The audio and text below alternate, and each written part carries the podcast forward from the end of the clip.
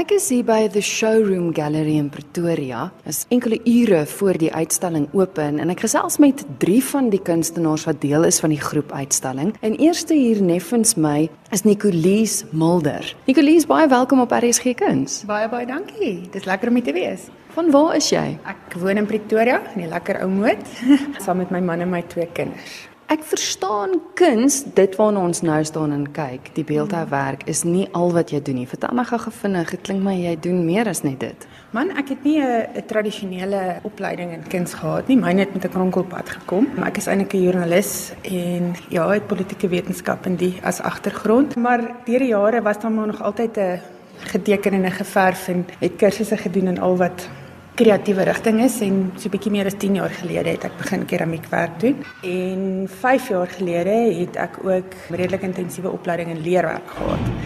En so het dit gekom en ek het my eie besigheid begin in media en ontwerpwerk, maar toe het dit heeltemal in 'n kunsrigting gegaan dat dit nou is wat ek doen. Ek doen leerwerk. Ek maak volgens tradisionele handwerkmetodes leersakke en skooltasse en reissakke. Die tipe van goed werk meestal met die hand naald en garing en hamertjies. Kleur self die leer. Ja, ek het baie sterk hande en baie eelte op my vingerpunte. So ja, op 'n baie stewige um wat noem hulle vingerhoede. Vingerhoede, dit dit ons ook en jy weet alles wat daarmee saamgaan. En dit is hoe die beeldhouwerke wat vandag hier is, hoe dit nou maar ook al die mediums van leer en keramiek en dan ek gebruik metaal ook. Praat geweldig baie met mekaar omdat dit almal natuurlike tipe van goeders wat 'n vlak van onvoorspelbaarheid aan hulle het. Jy weet klei wat uit die keel uit kom jy kan 'n beheer tot op 'n punt maar die hitte en die chemiese reaksie en doen vir jou ongelooflike goed. Leer het baie dieselfde eienskappe. En ek dink die mense besef hoe ongelooflik baie jy met leer kan doen. Jy kry baie verskillende soorte verskillende looi prosesse en die tipe van goed maar wat hulle noem wedge dance soos hulle praat is tradisionele looi prosesse prosesse wat hulle met groente kleurstowwe en so. Daai dik harde leer as jy nou daaraan dink, waarvan ja. hulle belde en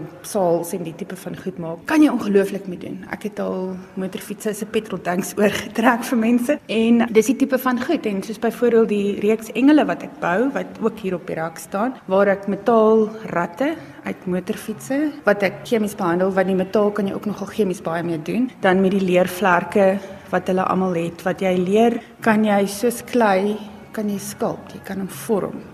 As jy hom nat maak en vol molds bou en vir 'n ruggraat gee met metaal en die tipe van goed. So dis regtig ongelooflike dinge wat jy kan doen.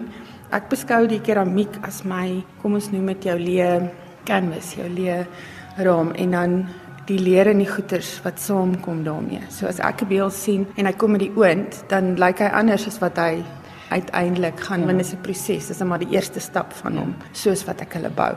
Nou kyk buiten vir die engele wat nou die leer en die metaal en goed in het en elke engel lyk ook anders. Dis asof elkeen sy ja, eie ja. storie, alle forme en kleure. Ja, ja. ja. Nee, hulle is elkeen uniek en anders. Dit gaan jy ook baie op my werk sien omdat ek 'n agtergrond as skrywer het. Ek gebruik baie teks van my eie skryfwerk of selfs soms lirieke aanhalings uit ander, jy weet, goed wat vir my waarde het. Gebruik ek dikwels as surfacing techniques as jy verstaan wat ek bedoel op die keramiek. Jy weet jou oppervlaktes en goed, baie van my dekoratiewe elemente het dikwels teks of lettering of die tipe van goed. Omdat dit is ook maar waar ek vandaan kom. En dis ook wanneer jy praat en wanneer jy jou beeld moet sê, wanneer jy moet sê, jy weet tipe van goeders is dit 'n deel van die detail. Vir party mense is dit net 'n oppervlakversiering en vir ander as jy nou fyn gaan lees in die tipe van goed is daar nog 'n vlak van betekenis wanneer nou bykom.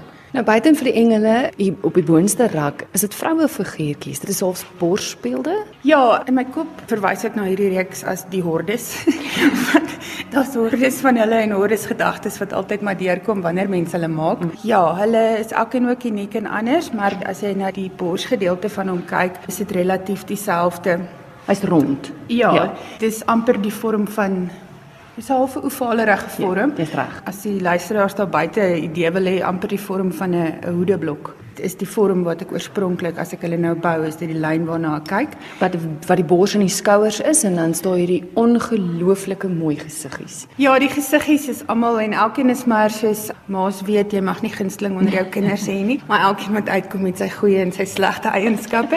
Maar die fyn gesiggies en dan almal van hulle het leer en metaal versiering en jy weet die verdere aspekte wat bykom in verskillende forme van leer of metaal.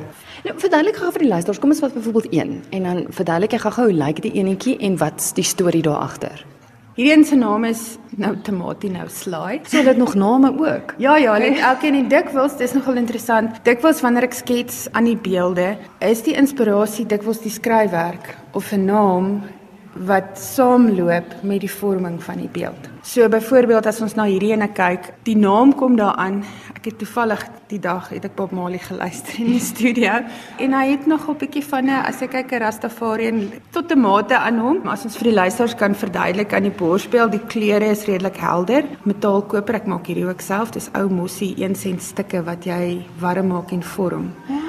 Ehm um, dis so streepie hemp wat hy aan het. Ja, dit strepe op die borstuk en dan koper koepeltjies wat uit ou 1 sent mossie stukke gevorm is of 1 sent stukke die met die mossies op. Die hare is soos ek nou-nou vir jou verduidelik het van die dikker wetstand leer. Hierdie is met die hand gekleur. Ek kleur al my leer wat ek hierdie soort gebruik wat ook natuurlik vryheid gee want mm. die mense wat leerwerk doen doen sekere goed. Ek meng en eksperimenteer verskriklik baie met die kleurstowwe en so. En dan is dit koper wat gedraai is aan die, aan die pinte, einde van die lokkie. Aan die punte ja. van die van die haarlokke hang daar koperstukkies. En dan gee hy vir hom die gevoel. So dit is vir sy storie en sy inspirasie vandaan kom. Hierdie een se naam Ons kyk hier na 'n beeld met 'n redelike eenvoudige borstuk en dan het hy 'n kopstuk op wat so half oor sy oë kom. Sy naam is Denkskole. Dit lyk amper soos twee horings, maar dit is eintlik twee gedagtegange as jy wil sien, die visse wat soos in skole om sy horings op die koperdraad swem. En dit gaan maar en dan die kopste kom oor sy oë uit, nie oogies nie. Daai ding van wat jy dink en wat jy sien is nie, nie altyd dieselfde ding nie. So elkeen het maar sy storie en sy inspirasie. So laaste vraag, as jy nou in 'n beroep gestaan het waar jy in die politiek was as joernalis en nou doen jy heeltemal eintlik iets anders. Ek wonder altyd, is jy nou gelukkig?